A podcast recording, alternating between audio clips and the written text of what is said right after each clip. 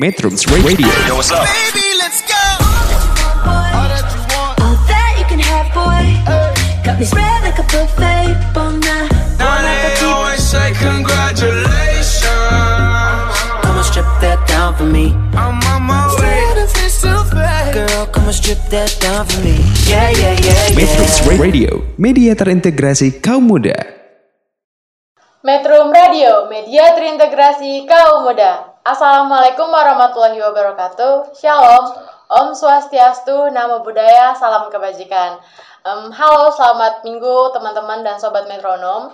Em, kembali lagi di hari Minggu siang ini bersama aku Welin di Bincang Toleransi. Seperti biasa, selama beberapa menit ke depan aku bakal nemenin kamu eh, bersama narasumberku dan juga lagu-lagu nanti yang akan diputerin. Nah, kali ini aku udah sama seorang tamu yang lagi-lagi berkunjung ke SMK Bakti Karya Parigi. Karena aku juga baru ketemu dan baru kenal, makanya nanti kita akan ngobrol dan em, kenalan lebih jauh lagi. Jadi eh, dia dipanggil itu Abah Asmul, tapi kita kenalan aja langsung.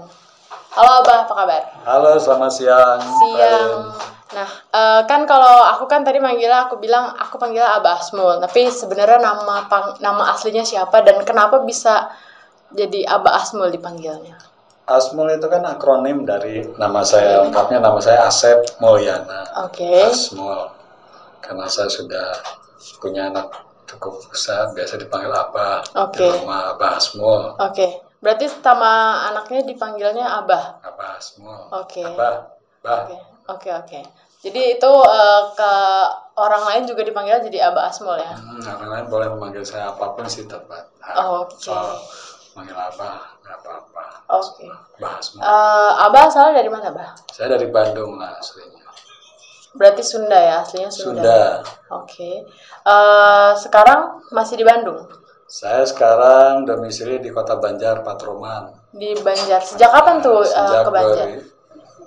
2010 saya di sana sama Oke. istri dan anak-anak. Tapi saya tinggal di Jakarta. Oh, berarti yang tinggal di Banjar istrinya? Istri dan anak-anak tinggal di di Banjar. Banjar. Saya ngekos di Jakarta karena kerja di Jakarta. Saya kerja di Komnas HAM Oke. Itu berapa lama Abah di Jakarta? dari 2000 pokoknya sampai 2018 dari 2008. Oke. Nah, pas kalau ketemu sama keluarga, eh, istri yang ke Jakarta atau Abah yang ke Banjar? Saya yang pulang tiap Jumat Oh, malam. tiap Jumat. Jadi PJKA. Hah. Pulang Jumat kembali Ahad. Jumat kali Ahad. Mungkin Mungkin dari Jakarta Jumat malam Oke. jam 9 nyampe belanja jam eh, subuh, Oke. Minggu- Sabtu Minggu di rumah, kemudian Minggu malam ke Jakarta lagi. Itu setiap minggu kayak Setiap gitu minggu. atau ada aduh Setiap dulu minggu deh. selama 10 tahun. Wow. Dari 2008 sampai 2018. Wow, setiap minggu itu. Terus sejak 2018 saya pindah ke Banjar, saya pindah ke Kementerian Agama. Oke, berarti yang udah nggak di Komnas HAM lagi ya? Sudah tidak di Komnas HAM, sekarang saya di Kementerian Agama Kota Banjar. Oke. Saya berurusan dengan pendidikan Islam dan madrasah pondok Oke. pesantren. Itu masih sampai sekarang, Mbak? Sampai sekarang saya sekarang lagi eh, tugas belajar. Oke. Eh, suka- kebetulan saya dapat eh, bel- eh, beasiswa PhD dari Oke. Universitas Leuven di Belgia Oke. untuk eh, melakukan riset dan studi S3 doktoral tentang pendidikan, konflik dan demokrasi. Oke. Kuliahnya di UGM di jurus di prodi S3 Ilmu Politik Universitas Gajah Mada, Oh, oke. Yogyakarta. Nah, teman-teman ini kayaknya menarik nih eh, karena ini beasiswa apalagi eh, S3 ya.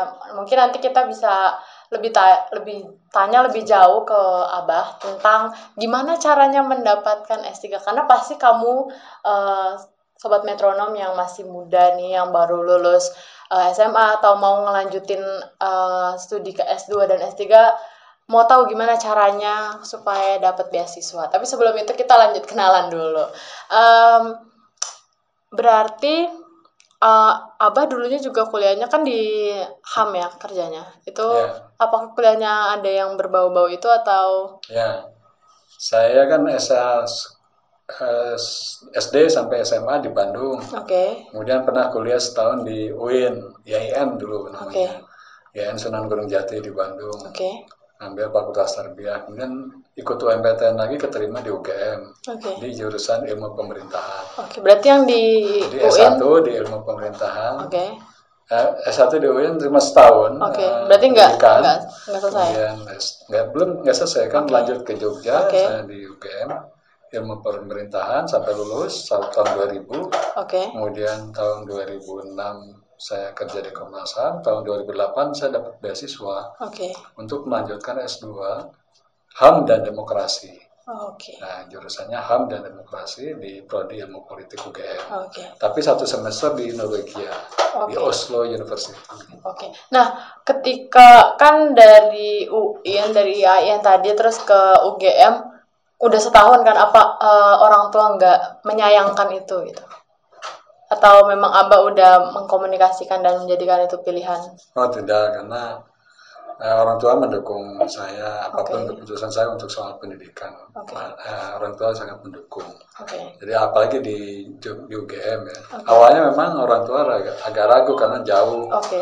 di Jogja orang Bandung itu kan jarang berkelana. Oke. Apalagi ke Daerah arah Jawa. timur, Oh iya, apa, ke timur ya, Jawa. maksudnya. Biasanya kan ke barat, Jakarta Oke. atau Bandung gitu ya. Oke. Nah, eh, saya ke Jogja dan ini pengalaman yang luar biasa buat saya Oke, ketika berada di Jogja karena ini daerah baru sama sekali baru saya dari kecil sampai kuliah setahun itu kan sampai umur 2 19 tahun, 18 tahun itu saya di Bandung. Oke. Di Bandung itu kan masyarakatnya homogen. Oke. Oke.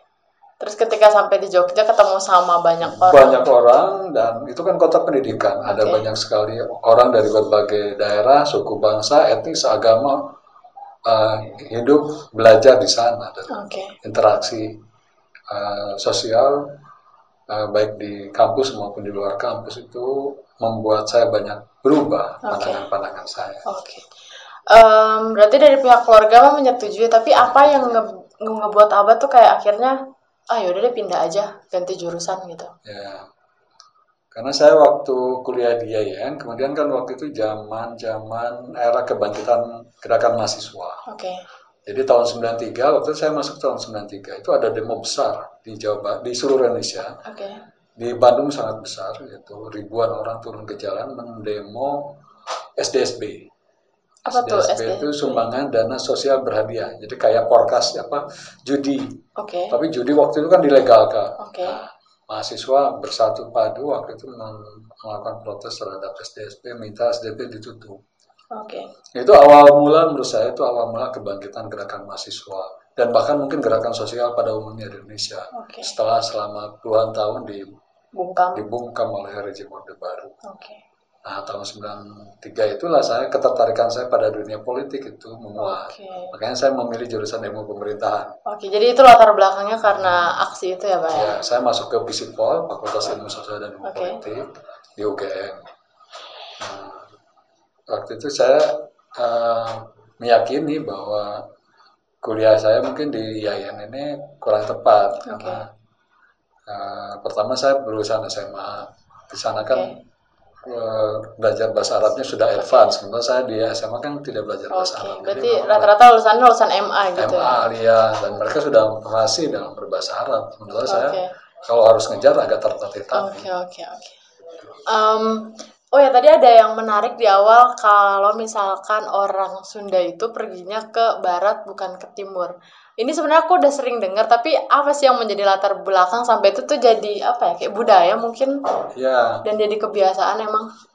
eh, ketika saya eh, eh, berangkat ke Jogja, Oke. saya diwanti-wanti sama ibu saya. Jangan pacaran sama orang Jawa. Oke oke. Jadi Jadi diwanti-wanti malah itu ya. pokoknya jangan pacaran sama orang Jawa. Kenapa mah? Saya, bilang, saya tanya. Orang Jawa itu kakak, jadi kamu menikahi kakak. Oke. Tapi kalau orang Jawa bilang jangan menikah sama orang Sunda. eh, bukan sama eh, cewek Perempuan Sunda. Sunda. Jadi terbalik. Oke. Saya sebagai laki Laki-laki. Sunda nggak boleh Boleh menikahi nikah sama orang perempuan Jawa. perempuan Jawa nggak boleh nikah sama laki-laki Sunda. Jadi kalau dua-duanya kekeh itu nggak bakal ketemu Jawa dan Sunda. Oke. Okay. Ini kalau ditarik jauh ke belakang secara historis memang ada ada trauma historis yang sangat dalam okay. antara Sunda dan Jawa. Okay. Ada perang bubat yang melibatkan eh, kerajaan uh, Majapahit, Majapahit dan kerajaan Pajajaran. Pajajaran. Bagaimana? Ya ada ada uh, situasi yang Sulit. Oke. Okay. Gitu. Tapi nanti kita cerita soal. Oke okay, oke. Okay. Berarti itu yang jadi latar belakangnya ya. Tapi akhirnya abah melanggar uh, wanti-wanti dari ibu atau enggak? Nah, nanti kita cerita. Oh nanti kita cerita. Oke oke.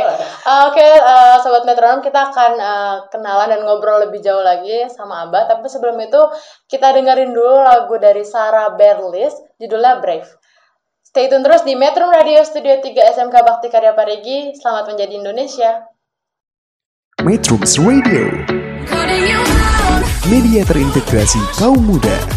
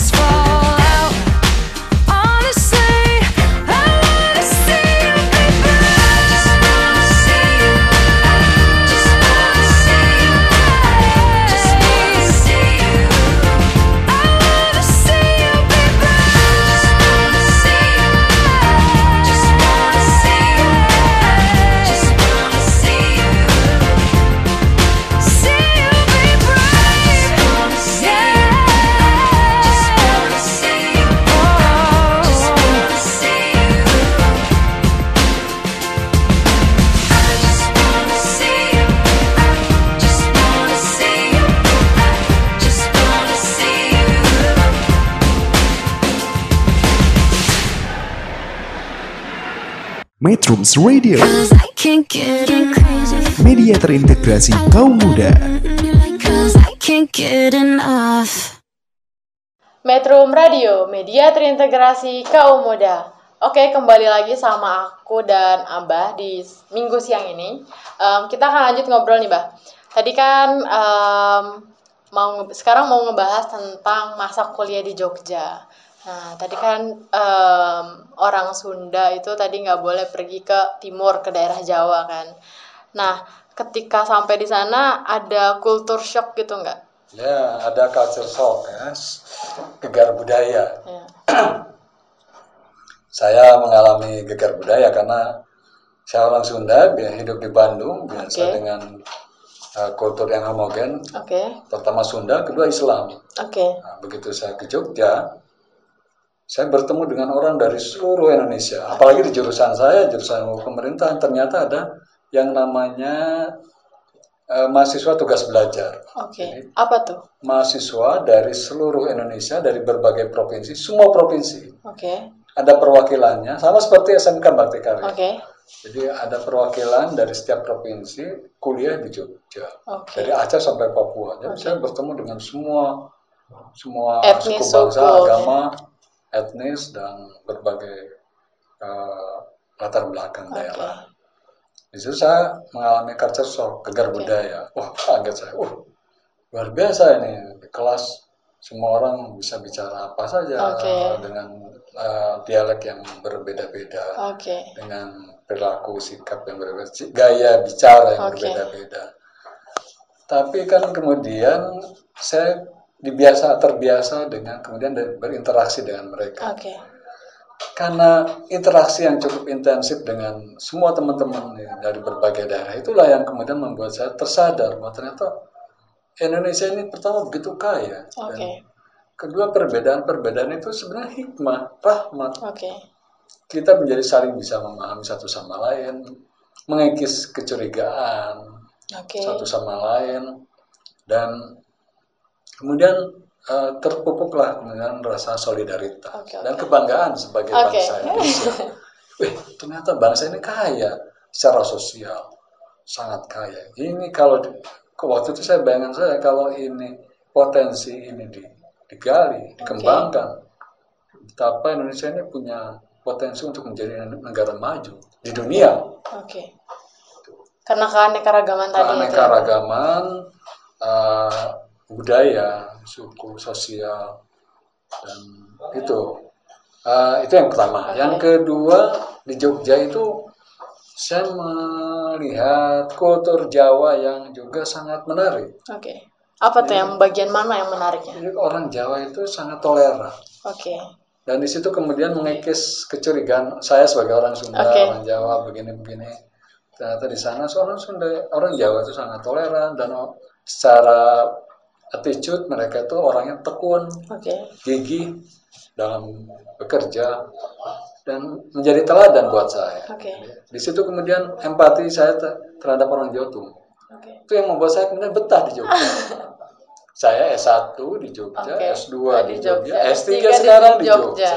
Nah, udah terlanjur uh, nyaman. Udah ya? cinta dengan Udah Jogja. cinta. Jogja. Jogja itu ngangen nih. Oh, ngangenin. Ngangen. Eh, pasti kan selama di Jogja selain kuliah banyak ngelakuin hal lain gitu. Iya. Terus sebelum itu em, selain kuliah aktivitas apa yang Abah ikuti maksudnya kayak UKM atau Iya. eh, hal lain, event-event atau kegiatan sosial yang Abah ikutin selama kuliah S1 ini. Ya, ada beberapa kegiatan yang Oke. saya ikuti. Pertama, saya aktif di Pers Mahasiswa UGM. Oke. Jadi itu lembaga pers kampus, majalah kampus. Jadi UGM, mahasiswa UGM itu punya majalah Oke. kampus, namanya majalah Balerum, Oke. majalah universitas, dan saya terlibat di reda- jajaran redaksi Oke. majalah mahasiswa Balerum. Eh, kenapa ikutnya eh, tim pers? Maksudnya apa emang dari SMA itu udah ada ketertarikan sama dunia jurnalistik atau ketika masuk di UGM baru tertarik? Nah, ketika saya kuliah di IAIN di Bandung, Oke. saya melihat eh, membaca banyak eh, sekali terbitan di sana dan Oke. di, di situlah mulai muncul eh, apa Kayaknya asik nulisnya. kayak ya keinginan untuk terjun langsung di pers mahasiswa Oke. dan di, di situ kan menjadi simbol perlawanan tahun 90-an itu kan gerakan mahasiswa cenderung tiarap kemudian bangkit Oke. tahun 93 dan yang men- menjadi salah satu apa perangsang eh, muncul eh, munculnya kembali gerakan mahasiswa, Oke. menguatnya gerakan mahasiswa itu pers mahasiswa. Oke. Dan waktu itu pers mahasiswa sangat berani. Berarti waktu itu tulisannya memang lagi membara-membara, lagi tulisan- gamblang gitu ya, Pak? Waktu itu kan media umum kan di, di, dibungkam, Oke. eh, dikontrol, dikendalikan oleh penguasa. Oke. Jadi sangat tertutup media umum tuh. Jadi eh, fakta-fakta yang benar, benar itu ditutup Oke. di media umum dan kemudian pas mahasiswa menjadi alternatif. Oke. Ini loh eh, fakta yang sebenarnya tentang kondisi politik, sosial, Oke. ekonomi negeri ini. Dan pas mahasiswa ada di garda depan waktu Oh, itu. Oke. Dan saya kemudian, wah menarik nih kalau saya ikut pers mahasiswa. Oke. Nah, tapi se pada saat itu tahun 90-an itu pers mahasiswa sendiri pernah dibungkam maksudnya dipaksa atau ya kayak gitu atau ada yang tiba-tiba hilang setelah menulis atau menerbitkan sesuatu gitu. Kalau pers mahasiswa enggak, tapi waktu itu Oke. kan ada Bredel tahun 94. Oke. Jadi ta bulan Juni 2000 eh se- 94 itu pemerintah Orde Baru melakukan Bredel. Bredel itu penutupan eh, kok majalah dan eh, tabloid. Oke. Itu yang di Bredel kan majalah Tempo, majalah Editor sama tabloid Detik. Oke. Jadi Detikcom itu dulu nih tabloid. Oke. Nah itu dibuka di Bredel, ditutup oleh. Presiden Orde Baru. Nah Bredel 94 itu kan kemudian menyulut api perlawanan dari kelompok-kelompok eh, kritis waktu itu ada di kalangan mahasiswa, kalangan NGO. Nah, kemudian itu yang menguatkan konsolidasi gerakan sosial di Indonesia yang Oke. kemudian mengerucut pada tahun 98 Oke. berupa gerakan mahasiswa yang akhirnya menumbangkan rejim otoriter Oke. Orde Baru. Jadi kalau dilacak ke belakang awalnya yang embrio gerakan mahasiswa itu ya mulai dari 90-an. Oke. Mungkin bahkan mungkin akhir 8 eh, 70 eh, akhir 70-an udah Oke. mulai ada gerakan ya. Sebenarnya dari 74 ada gerakan Mari, Oke. 78 ada gerakan di ITB, dibungkam dengan sistem NKKBKK. Oke. Berarti Abah pada saat itu juga ikut terlibat gitu ya Ikut, menyuarakan pendapat. Saya eh, ikut demonstrasi besar di Jogja Oke. pada tanggal 20 Mei eh, 1998, Oke. satu hari sebelum Soeharto turun. Oke, oke. 21 Mei. Oke oke. Oh ya ada yang mau ketanyain tentang oh, Gejayan memanggil. Kalau Gejayan itu maksudnya sejarahnya emang dari tahun 90-an atau gimana? Itu 98, jadi demo mahasiswa itu kan marak dari sejak krisis. Oke. Karena eh, yang membuat Soeharto jatuh itu kan buka, eh, ada beberapa faktor. Oke. Bukan cuma gerakan mahasiswa, tapi ada pertama krisis ekonomi, Oke. kemudian ada perpecahan elit, Oke. Kemudian yang ketiga gerakan mahasiswa. Oke. Jadi tiga faktor inilah yang kemudian berkelindan dan kemudian mempengaruhi keputusan Soeharto untuk mundur. Oke. Nah, kejayaan eh, krisis ekonomi itu dimulai tahun 97, pertengahan 97. Oke. Itu krisis moneter ada ditandai dengan menurunnya nilai mata uang rupiah Oke. ke terhadap dolar dan itu kemudian berimbas pada ke mana-mana akhirnya mengenai Oke. krisis ekonomi dan protes demonstrasi hampir terjadi setiap hari. Oke. Nah, kejayaan waktu itu terjadi jelang beberapa eh, hari atau berapa minggu setelah sebelum turun, Oke. Mei apa. Saya lupa tanggalnya, tapi waktu itu saya ikut juga di Oke. kejayaan Oh berarti sampai tengah malam. berarti waktu itu Abah masih di Jogja. Masih Jogja, saya kan lulus tahun 2000. Jadi 98 Oh, itu, saya masih eh, tingkat akhir, jadi lagi matang-matangnya tuh. Berarti itu yang pas ta- kejadian 98 itu Abah lagi S2. Masih Atau- S1. Oh, masih S1. S1, jadi masih mahasiswa tingkat akhir. Oke. 9. Saya 2000 lulus. Oke, oke. Semester 8 lah. Oke, berarti Abah waktu itu ada di uh, situasi kejayaan itu ya. Iya. Oke. Em, selain itu eh dari kalau hal-hal tadi kan kayak ya meliputi kampus gitu. Nah, tadi kan Jogja itu ngangenin. Nah, selain eh, kehidupan mahasiswanya apa yang ngangenin dari Jogja? Misalnya suasananya atau tempat wisatanya. Jogja itu susah untuk didefinisi. Oh, Saking eh, menarik gitu ya. oke. Buat saya ini kota kedua setelah Bandung. Oke. Tapi- Tapi Jogja itu selalu eh, membuat saya kembali. Oke, mungkin kalau ada sobat metronom yang juga mahasiswa di Jogja pasti mungkin merasakan eh, perasaan yang sama dengan Abah ya. Oke, sebelum kita lanjut ngobrol sama Abah, kita dengerin dulu lagu dari Payung Teduh judulnya Akad. Stay tune terus di Metro Radio Studio 3 SMK Bakti Karya Parigi. Selamat menjadi Indonesia. Metrums Radio, media terintegrasi kaum muda.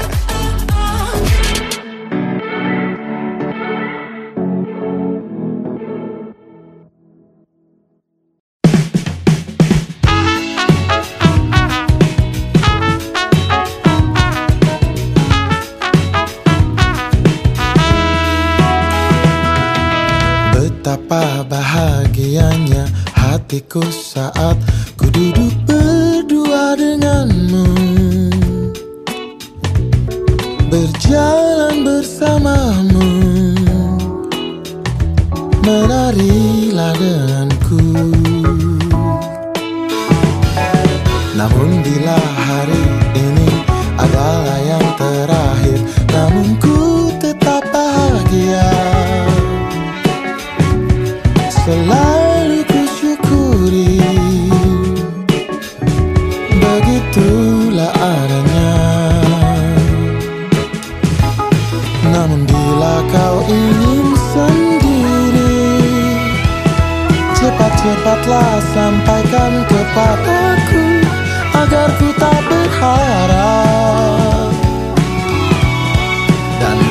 buat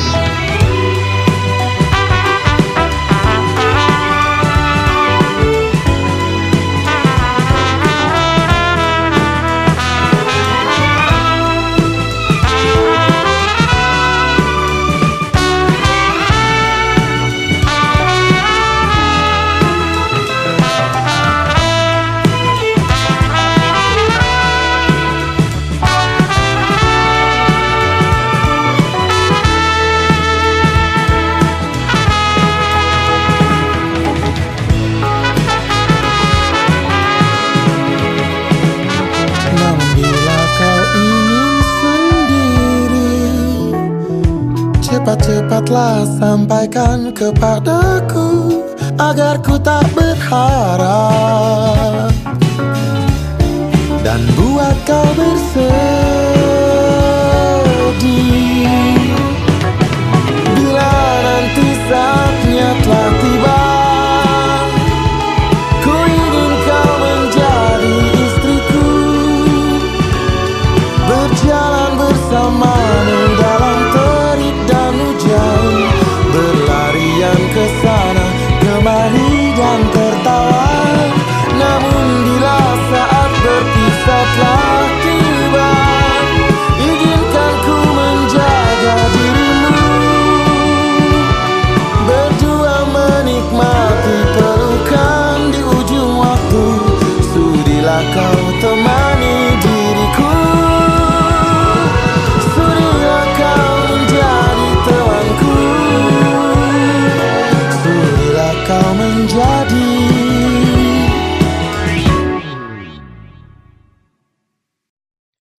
Metrums Radio, media terintegrasi kaum muda. Metro Radio, media terintegrasi kaum muda. Oke, teman-teman, kembali lagi sama aku dan Abah. Tadi udah ngomongin tentang tahun 90-an yang eh, aku sendiri paling cuman baca-baca, cuman ngedenger dan kali ini ngedenger langsung yang ngalamin di apa ya, di tempat dan kejadian waktu itu. Nah, tadi di awal Abah bilang kalau misalkan Abah em, kuliah itu ada dapat beasiswa ya. Nah, kita akan ngebahas itu. Jadi eh kuliah yang beasiswa itu S2. S2 dan S3. S2 dan S3. Tuh, S2 dan S3. Belum S4 nih. nah, eh gimana ceritanya bisa dapat beasiswa apa? Abah yang cari atau ada relasi atau gimana? Beasiswa itu saya nyari sendiri. Oke. Jadi sebenarnya ada banyak sekali peluang beasiswa. Oke. Tapi waktu zaman saya memang agak susah. Tapi sekarang peluang beasiswa itu tersebar di mana pun di banyak sekali organisasi, lembaga, baik eh, lembaga dalam negeri maupun luar negeri. Oke. Nah, saya bagaimana mendapatkan beasiswa ngelamar sendiri dan kemudian dari eh, beberapa proses seleksi saya kan nggak langsung nggak selalu Oke. langsung dapat. Nah, pada saat itu eh, daftar beasiswanya di mana? Di lembaga atau ke kampusnya langsung? Eh, jadi ada lembaga yang kerjasama dengan kampus, Oke. ada yang lembaga secara mandiri. Oke. Misalnya ada beasiswa, beasiswa yang memang disediakan oleh lembaga-lembaga yang memang dia memberikan beasiswa, tapi Oke. tidak dia terlepas dari kampusnya. Jadi kampusnya nyari sendiri. Seperti misalnya beasiswa yang mainstream. Oke. Ya kalau mau ke Belanda Stonad, kalau mau ke Amerika Aminep atau Fulbright. Oke. Kalau mau ke Australia ada eh, apa AAS Oke. eh, atau mau ke Jepang ada Mamboku, Oke. Mambokuso. Apa Mam- ah, itu, Mambokuso. Berarti ya, berarti eh, ada masing-masing lembaga untuk Ada tiap-tiap lembaga yang memang negara ya? eh, dia dia dia menjadi bagian dari lembaga kerjasama negara tersebut Oke. dengan lembaga eh, dengan pemerintah Oke. kita. Nah ada juga lembaga pemberi beasiswa yang dari dalam negeri, misalnya Habibie Oke. Center atau sekarang LPDP. Oke. Nah itu. Nah bagaimana saya bisa mendapatkan beasiswa? Oke. Oh sebelumnya awal ketertarikan kenapa akhirnya mau ngelanjutin kuliah lagi? Padahal kan saat saat itu abah udah ada kerjaan juga ya. Ya saya sudah bekerja di Komnas HAM. Oke. Nah, kemudian kan tanta- ada banyak sekali tantangan. Ada kejenuhan juga kalau saya kerja Oke. jalan rutinitas dan kemudian Oke. tidak ada kemajuan pengetahuan dan literatur yang Oke. memadai. Dan saya berpikir dengan sekolah lagi saya akan bisa punya ruang untuk berkontemplasi, membaca buku lebih Oke. banyak, membaca isu-isu baru, eh, kemudian menganalisnya dengan eh, alat-alat baru. Oke. dan kemudian hanya dengan sekolah lagi saya bisa melakukan itu. Akhirnya kemudian kalau sekolah dengan dia sendiri nggak punya juga. Oke, apalagi saya udah berkeluarga pasti ada banyak pertimbangan. Akhirnya saya cari beasiswa. Oke. nah kebetulan waktu itu ada pengumuman lowongan beasiswa S2 HAM di UGM mereka kerjasama dengan Oslo University Oke. dan Demos waktu itu ada NGO namanya Demos Oke. ya. dan mereka punya perhatian terhadap perkembangan HAM dan demokrasi Oke. Kemudian saya melamar dan kemudian ada beberapa seleksi dilalui dan saya diterima. Oke. Eh, terus kan tadi di awal juga Tips dan trik, tips dan trik. oh iya. Sempat di awal katanya beasiswanya tuh nggak kan di UGM tapi sempat ke Oslo. Nah ini yang menarik nih. Ketika ke Oslo, abah sendiri atau sama keluarga diajak? Ah, karena beasiswa ini terbatas ya hanya untuk studi Oke. dan saya cuma satu semester jadi eh, dana beasiswa kan terbatas Oke. akhirnya saya berangkat sendiri Berangkat sendiri. Itu selama enam bulanan atau? Ah, empat bulan Empat jadi sebenarnya satu semester kan dipadatkan Oke. jadi saya hanya empat bulan Oke. tapi dalam waktu empat bulan itu saya menikmati banyak sekali uh, me- menyaksikan banyak sekali sesuatu yang luar biasa culture shock juga di sana Oke oke. Jadi sama kayak pas pertama kali ke Jogja Ah, ya? mengalami gegar budaya Oke. wih ternyata Oslo Norwegia Eropa itu luar biasa Oke. jadi ada beberapa yang menurut saya uh, jadi pelajaran Oke. menarik Yang paling eh, apa ya teringat menarik dan menjadi pelajaran yang sampai sekarang abah inget tuh apa? ada dua hal Oke. pertama sistem jaminan sosial di sana Oke.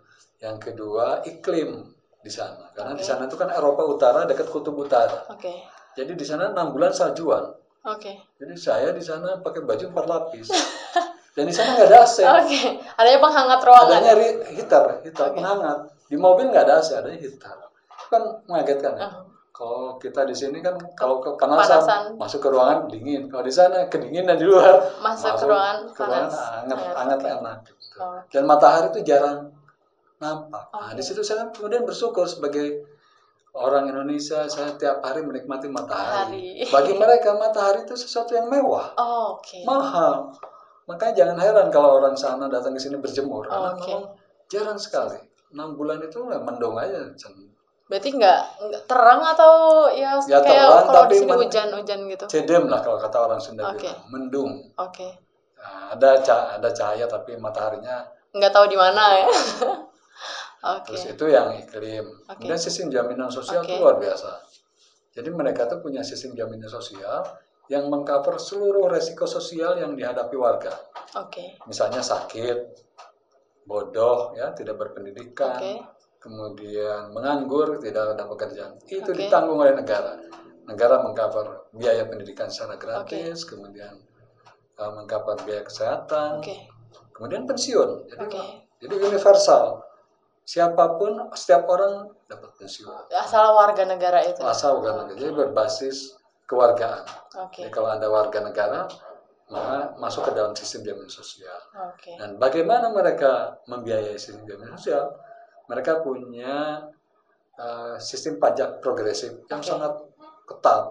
Jadi sangat besar, sekitar sekitar 30 persen, 35 persen Oke. dari penghasilan. Dan kemudian penghasil, mereka na- menariknya dari warga, kemudian dikembalikan lagi dalam bentuk jam- jaminan Oke. sosial yang membu- menjamin setiap orang hidup layak Oke. Jadi diolahnya sama pemerintahnya gitu. sama pemerintah dan itu kemudian ah, dampaknya luar biasa Oke. kesenjangan menipis solidaritas kuat Oke. di situ saya menemukan sila ketiga persatuan Indonesia dan Ada. kelima keadilan sosial Oke. mereka sudah mengenal Pancasila Oke. menerapkannya pak Oke. Oke. Kelas ketiga dan kelima. Nah, itu kan buat warga negaranya nih, Bah. Tap- Nah, Abah kan sebagai perantau ke sana apakah eh, menikmati itu juga sebagai perantau? ya saya kan karena dapat beasiswa saya dijamin oleh beasiswa semuanya Oke. jadi kalau saya sakit saya bahkan eh, cek kesehatan kan eh, untuk pertama ke sana kan cek Oke. kesehatan eh, itu gratis semua Oke. Nah, terus yang menarik, mereka tuh punya sistem ID tunggal itu ya. Jadi Oke. nomor ID tunggal. Jadi ketika saya ke sana kan harus lapor polisi, kemudian saya dapat nomor ID, nomor Oke. KTP semacam nomor KTP. Mereka tidak bentuknya tidak dalam bentuk KTP atau Oke. yang bagus itu kayak Oke. kita KTP kita, cuma selembar kertas. Oke.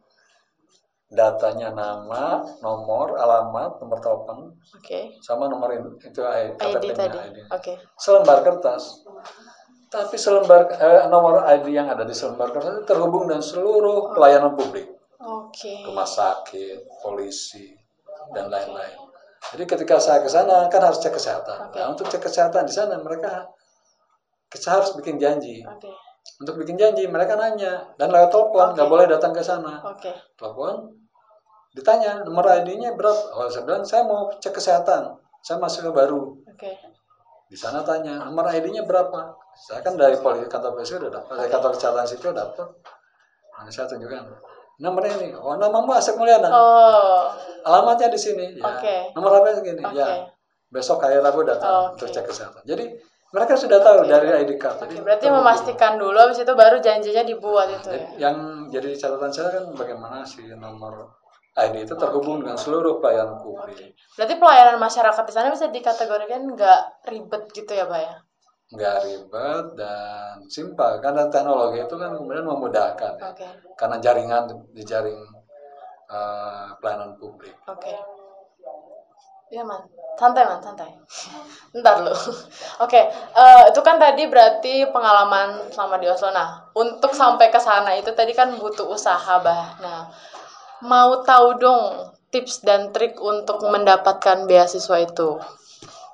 Tips dan trik ya ini kan eh, ada banyak sekali ya, orang ingin mendapatkan beasiswa. Apalagi sekarang semakin banyak eh, lembaga beasiswa Oke. yang memberikan menawarkan beasiswa. Ada dari pengalaman saya mengala- eh, mengikuti seleksi ada beasiswa ada beberapa yang eh, menurut saya ini kunci kalau anda mau lolos Oke. Nah, yang pertama tentu eh, prestasi akademik. Oke. kemudian eh, kegiatan sosial. Oke. Yang itu yang sebenarnya lebih penting dari Oke. prestasi akademik. Oke. Kegiatan sosial yang dia dilakukan oleh kita Oke. selama mahasiswa. Oke. Misalnya saya aktif di pers mahasiswa, kemudian Oke. saya juga aktif di lembaga sosial, Oke. Nah, beberapa lembaga sosial. Itu menjadi catatan buat mereka karena mereka itu akan memberikan beasiswa kepada calon-calon pemimpin. Oke. Eh, nah, calon pemimpin itu kan diukur dari aktivitas sosial Oke. dan kemudian juga aktivitas profesional. Oke. juga tulisan itu juga penting kalau untuk doktor ya S3 Oke. itu seberapa banyak publikasi yang pernah diterbitkan Oke. Publikasi yang utama adalah publikasi di jurnal ilmiah oh S3 kalau S2 boleh di koran atau Oke. Oke. Berarti portofolionya itu jelas. ya? portofolio karya jadi karya kalau saya wartawan jadi ya karya tulis Oke. peneliti karya eh, ini Jurnal. penelitiannya nah itu semakin banyak semakin bagus Oke. itu yang eh, kedua jadi kar- eh, karya prestasi ak- akademik dan kegiatan sosial Sosial. yang keempat ini kunci ini juga kunci Oke. rekomendasi Oke. tadi dari tokoh-tokoh terkenal Oke. atau tokoh-tokoh yang punya reputasi bagus Berarti di sini harus punya relasi gitu ya, Mbak? relasi yang bagus sebenarnya tidak harus dengan tokoh terkenal misalnya Oke. dengan dosen Oke. dosen yang semua punya reputasi bagus Oke. Eh, itu juga penting apalagi dosen itu pernah ngajar kita Oke. itu penting untuk dapat tapi itu itu kalau dari S, S1 ke S2 Oke. Tuh. Nah, surat rekomendasi ini sebanyak-banyaknya atau hanya satu aja perlunya? biasanya mereka minta dua Minta dua, rekomendasi pertama dari atasan kalau udah bekerja Oke. kedua dari dosen Oke. yang pernah eh, membimbing Oke. Oke, untuk teman. Nah, tunggu tunggu sebelumnya. Eh kalau itu kan kalau untuk yang udah S, udah pernah mengalami S1 ya. Kalau em, yang mau dapat beasiswa S1 berarti rekomendasinya dari kira-kira nih, kira-kira dapat dari mana? dari SMA ke S1 Iya. biasanya memang mereka hanya menonjolkan dua hal Karya tadi itu prestasi akademik dan sama, kegiatan sosial. eh, karya Oke. ya karya kalau kegiatan sosial sebenarnya Oke. tidak ya tapi eh, ini karya Oke. portofolio Oke, portofolio berarti. kalau punya prestasi apalagi di Oke. level nasional itu pasti jaminan dapat beasiswa Oke. ya minimal di level kabupaten kota Oke. atau ya tingkat sekolah juga Oke, masalah. oke. Hanya raportnya bagus juga Oke. Oke, eh, untuk sobat metronom yang tertarik untuk beasiswa berarti hal-hal yang tadi disebutin sama Amba mulai dari sekarang bisa diperhatiin kayak banyak-banyak ikut kegiatan, banyak-banyak berkarya. Kalau misalkan kayak tadi kalau Abah kan di bidang pers ya berarti menulis. Jadi mulai dikumpulin jadi ada persiapan gitu ya, Bah. ya Oke, makasih Abah untuk tipsnya. Em, kita akan lanjut ngobrol, tapi sebelum itu kita dengerin dulu lagu Efek Rumah Kaca, judulnya Udara. Stay tune terus di Metro Radio Studio 3 SMK Bakti Karya Parigi. Selamat menjadi Indonesia. Metrums Radio, media terintegrasi kaum muda.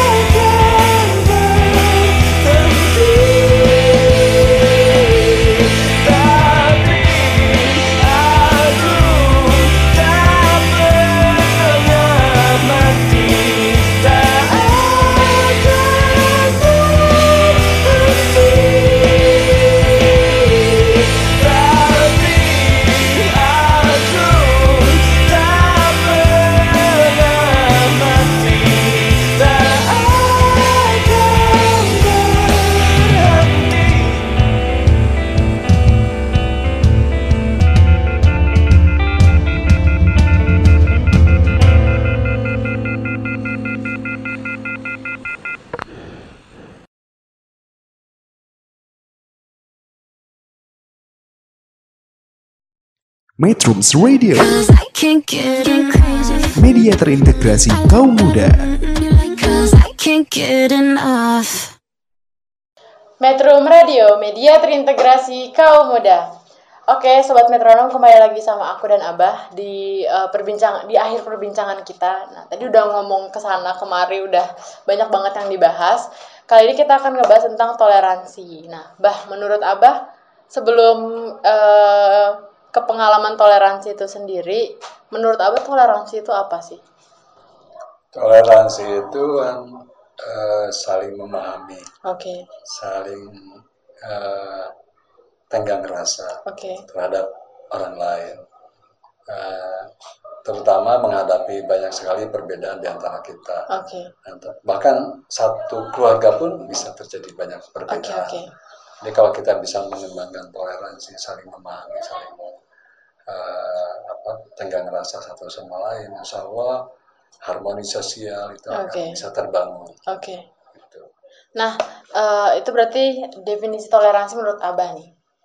Untuk pengalaman toleransi sendiri, kalau tadi di awal baru ketika eh, ke Jogja ketemu sama orang yang beda-beda heterogen, sebelumnya kan di Bandung kan homogen. Nah, pengalaman mm, yang bikin Abah kejadian gitu, yang bikin Abah, oh gini Indonesia gitu.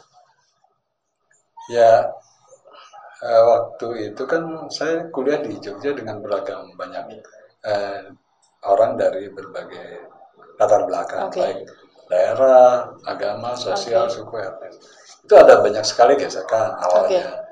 Eh, perbedaan nilai, sisi nilai, norma, Oke, itu kan akhirnya mau tidak mau kita bergesekan satu sama lain. Oke. Tapi pada akhirnya kita kemudian disadarkan pada satu situasi ya, memang kita berbeda, tapi ya bagaimana itu perbedaan itu didamaikan. Eh, seiring dengan umur ya, waktu itu saya kan masih muda, Oke. kemudian lama-lama kan makin matang di Oke. sana. Apalagi saya eh, beraktivitas juga di majalah kampus, Oke. di tas mahasiswa yang eh, di situ dilatih daya kritis, kemudian juga kita juga di majalah itu dari berbagai banyak eh, dari berbagai latar belakang Oke. dan perspektif, ya, cara melihat persoalan, Oke. nulis berarti itu kerasa Berbeda. banget di kerasa situ ya? banget jadi benturan-benturan dan memang disengaja dibenturkan biarin aja Biar terbentuk gitu ya. Berbenturan berdebat kita sampai keras-kerasan tapi pada akhirnya kan kita kemudian eh, menurut saya eh, Oke, toleransi itu akan terbangun ketika berbenturan dulu jadi jangan ditutup perbedaan itu jangan ditutup-tutupi oke. Eh, Tunjukin aja tunjukkan sekalian. aja. berdebat berargumen Oke. di situ kita berlatih untuk membangun argumen Oke. jadi yang kalau kita berdebat itu bukan lagi menyerang orang, tapi menyerang argumen. Di situ kemudian saya dilatih ya. Selama kuliah di UGM, kemudian aktif di pers mahasiswa, dilatih untuk membangun argumen. Oke. Dan itu kemudian kita mengabaikan seluruh latar belakang, bahkan perspektif Oke. orang dalam melihat satu persoalan. Oke. Sehingga di situlah tumbuh uh, toleransi. Oke. Jadi kalau orang berpendapat A, kemudian saya kemudian saya menelusuri latar belakang dia. Oh, kemudian empati itu muncul. Oke. Jadi oh kan dia bisa berempati karena dia punya latar belakang pengalaman yang seperti itu. Oke. Jadi tidak bisa kita menyalahkan satu pendapat yang menurut kita keliru. Oke. Karena mereka mungkin juga punya latar belakang saya konteks berbeda sosial, gitu ya. konteks sosial yang membangun eh, membentuk Perspektif. perspektif dia. Oke. Berarti ketika rapat redaksi tuh heboh banget itu ya? ramai sekali apalagi di UGM pas Oke. mahasiswanya kan sangat kritis Oke. mereka ini bahkan hal-hal yang di luar jangkauan pikiran orang kebanyakan itu muncul Oke. itu kalau lagi rapat tuh bisa berapa lama itu, Bah? ya nggak tergantung eh, nggak ada patokan waktu bisa Oke. sangat pendek bisa sangat panjang tergantung Pembahasannya ya. jadi nggak ada gitu eh, pokoknya nah itu sangat asik lah Oke. sama masa-masa mahasiswa di apalagi di pas mahasiswa kita menulis kita mengekspresikan pikiran dalam Oke. tulisan kemudian berdebat Oke. membangun argumen Eh, itu latihan kawah candri, candra di muka buat Oke. saya sehingga bisa eh, terbangunlah eh, pribadi-pribadi Oke. di kampus itu yang eh, menurut saya sangat Oke. toleran di kampus UGM ya di kelas mahasiswa toleran tapi juga kritis Oke. Jadi tidak menutup perbedaan perbedaan itu ya alamnya Dibenturkan tadi itu itu. alamiah dan tapi bagaimana kita bisa menyikapi perbedaan dengan Arif Oke. Nah, eh, sama teman-teman yang dulu di Pers UGM itu masih saling terhubung sampai sekarang. masih saling terhubung kami punya grup WA dan Oke. setiap tahun ada temu alumni di Oke. Jakarta sih Oh, atau di Jogja Oke, jadi itu masa-masa ngangenin ya itu. ya? ya Di tengah panasnya situasi Indonesia juga. Oke, Eh, mungkin ada pesan oh, dari Abah untuk sobat metronom di tengah zaman milenial dan yang serba digital ini. ya eh, perkembangan zaman saat ini sangat luar biasa. Perkembangan teknologi informasi begitu luar biasa. Teknologi semakin canggih. Saya berharap kita semua bisa eh, berlaku arif bersikap dewasa dalam eh, me- membangun eks- ekspresi di Oke. dunia sos- media sosial media internet sehingga kita tidak terjebak eh, eh, tidak masuk dalam jebakan-jebakan Batman dari teknologi Oke. informasi media sosial dan sebagainya. Oke, terima kasih Bah eh, pesannya. Eh, jadi teman-teman itu tadi obrolan aku sama Abah yang sebenarnya banyak banget sih ya eh, yang bisa diambil mulai dari tips beasiswa, terus kejadian tahun 90-an juga, terus juga tentang ini sejarah kenapa orang Sunda jang- dilarang gitu, bukan kita kalau bisa jangan sama nikah sama orang Jawa, Dianjurkan. dianjurkan gitu, jangan sama orang Jawa. Nah, makasih Bah udah mau nemenin eh, ngobrol di minggu siang ini. Sebentar, eh, saya, Oke. tadi ada yang terlewat soal Oke. orang Sunda Jawa ini. Jadi eh, tahun beberapa tahun lalu, dua tahun lalu, sudah ada rekonsiliasi Jawa Sunda yang Oke. ditandai dengan eh, perubahan nama jalan di Jogja ada. Jalan Siliwangi, Oke. Jalan Pajajaran, Oke. terus di di Bandung sudah ada Jalan Majapahit, Gaj- eh, Majapahit dan Gajah Mada. bukan hanya Jalan Hayam Buruk. Oh, Hayamuro. Oke. Nah itu eh, ada rekonsiliasi yang dibangun eh, Gubernur Aher waktu itu Gubernur Jawa Barat sama Gubernur DIY eh, Sultan Hamengkubuwono X Oke, jadi udah ada oke rekonsiliasi. pertanda damai gitu ya, Pak. damai, Jawa Oke, jadi sekarang udah kayaknya anjuran itu sudah mulai menghilang menghilang gitu ya. Melebur lah. Melebur. Oke. Eh, terima kasih juga untuk teman-teman eh, dan kamu sobat metronom sudah mau mendengarkan obrolan kita di minggu siang ini. Nanti eh, nantikan lagi minggu depan bersama narasumber lainnya. Terima kasih. Kita tutup dengan lagu dari Isyana Saraswati judulnya Sikap Duniawi. Wassalamualaikum warahmatullahi wabarakatuh. Shalom, Om Swastiastu, Nama Budaya, Salam Kebajikan, Selamat Menjadi Indonesia.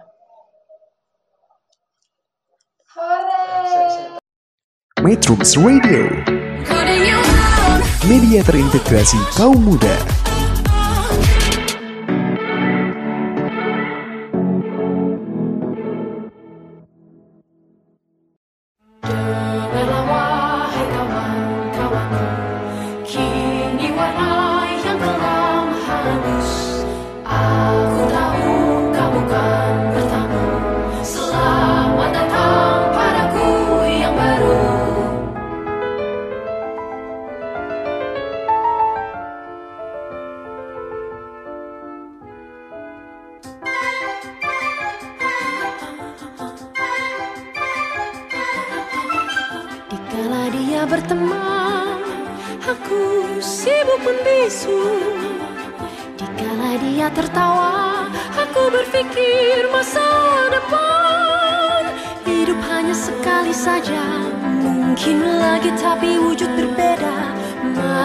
Jangan hiraukan kesempatan.